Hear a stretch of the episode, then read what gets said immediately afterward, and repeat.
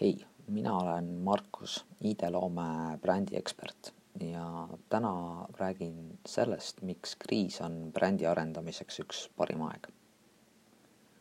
tavaliselt on ettevõtjad mures oma turuosast loobumise pärast, kui äri peaks mõnda nišši paigutama. klassikaline küsimus kõlab, et kas brändiks olemine võib turuosale kitsendavalt mõjuda kiire vastus sellele on, et niši leidmine on üks kõige tugevam käik, mida ettevõte turul teha saab.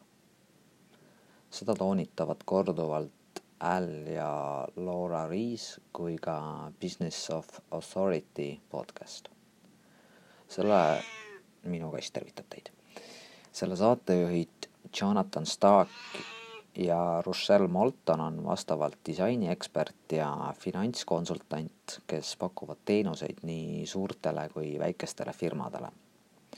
saatejuhtide business to business kogemus praktikas on aga, et kui business to client, klienti suunatakse terviklikku brändi märkama, siis firma turuosa kasvab märgatavalt. ärkavad ja märkavad brändiga täiesti uued kliendid, kes soovivad oma ellu just seda konkreetset brändikogemust ning tulemus peegeldub loomulikult käibes. mida bränd teeb? Äh, järgnev nimekiri ei ole kindlasti mitte kivisse raiutud, aga mõned punktid on, on võimalik välja tuua. Mm, näiteks siis bränd loob teadlikkuse pakkujast, muudab ettevõtte sümpaatseks, eristab konkurentsist, kaasab kliente, tekitab lojaalsust nii klientides kui töötajates, annab raamistiku turundustegevustele ja pakub inspiratsiooni kampaaniateks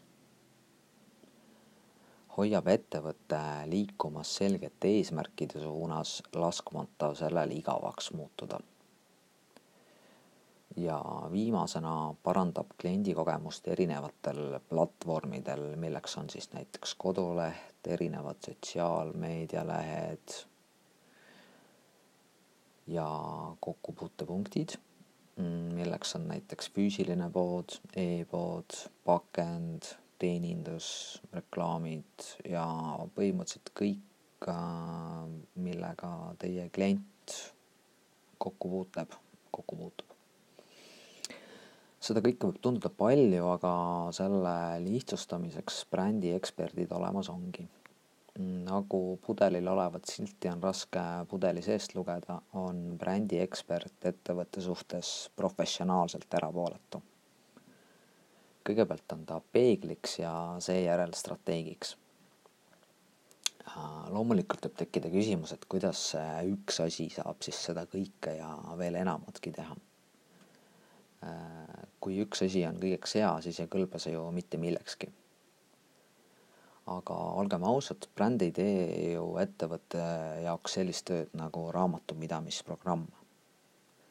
sina ettevõtjana teed samuti erinevaid töid edasi viivad ju erinevad tegevused, kui need on organiseeritud. näiteks äh, graafilist disaini või visuaalset identiteeti tellides vaatab pakkujad üle tavaliselt turundus või veebidisainer või keegi kolmas kunstimeelega inimene, keda sa usaldad kahjuks pole see kõige parem lähenemine, sest nad vaatavad eelkõige seda, kuidas disaineri stiil juba olemasolevate materjalidega kokku sobitub. aga disain on palju enamat kui stiil. brändi ökosüsteem tegeleb ettevõtte holistilise tervikuga. kass tervitab teid jätkuvalt. miks siis kriisi ajal brändimine on hea? Ma ei hakka ennustama, millises skaalas ja kui kaua kriis kestab ning mil määral sina seda omal nahal tundnud oled. võib-olla oled sa isegi üks neist, kes on kriisi ajal tublisti kasvanud. eriolukord kestab peavoolumeedia andmetel Eestis veel vähemalt kaks nädalat. ma ei väida, et kahe nädalaga on võimalik brändiks saada. Aga võib-olla sul on olnud vaja või sul on olnud aega viimasel ajal oma ettevõtte identiteedi peale mõelda. paari järgneva nädalaga on kindlasti võimalik jõuda selgusele selles, kui kasulik on lähiajal brändiks saada või kui palju on võimalik kaotada, kui brändiks ei saada. võimalikke põhjuseid Äh, sa tahad kriisist võitjana väljuda. kõik räägivad sellest, aga mida see sisuliselt tähendab? mõned punktid. sa valid ise väljumise aja. Mitte keegi ei ütle, et sa pead oma uksed avama enne teisi või kindlasti samal ajal. sa oled väljumiseks ette valmistunud. see tähendab, et ollakse valmis tegutsema Covid üheksateistkümne järgses maailmas ja turuosa ja käibekasv sõltuvad ettevalmistusest. teiseks, tahad turundust tugevamaks muuta. brändi töötoad toetavad seda strateegiliselt, pakkudes turundusele pikaajalist tuge keskmiselt üheks kuni kolmeks aastaks. nii palju, kui ma turundajaid tean, on teada, et äh, turundusel heal juhul, heal juhul on plaan kusagil kuueks kuuks. võib-olla kolmeks kuuks, võib-olla kuuks. punkt kolm, kriisi lõppedes on olukord turul muutunud. kohe kindlasti on mõned konkurendid kadunud ja sama kindlasti tulevad turule uued vihased tegijad. Nende taktikaline osa on kriisi ajal suhteliselt hästi läbi mõeldud sinu eeliseks alles jäänud ja uute konkurentide suhtes on brändistrateegia. ja punkt neli, praegu on aega rohkem ja pea selgema. Mm, mu tuttavad kroonilised ületöötajad ütlevad, et kodus töötamine on vaimsele tervisele positiivselt mõjunud isegi siis, kui on tehtud mõningaid palgakärpeid.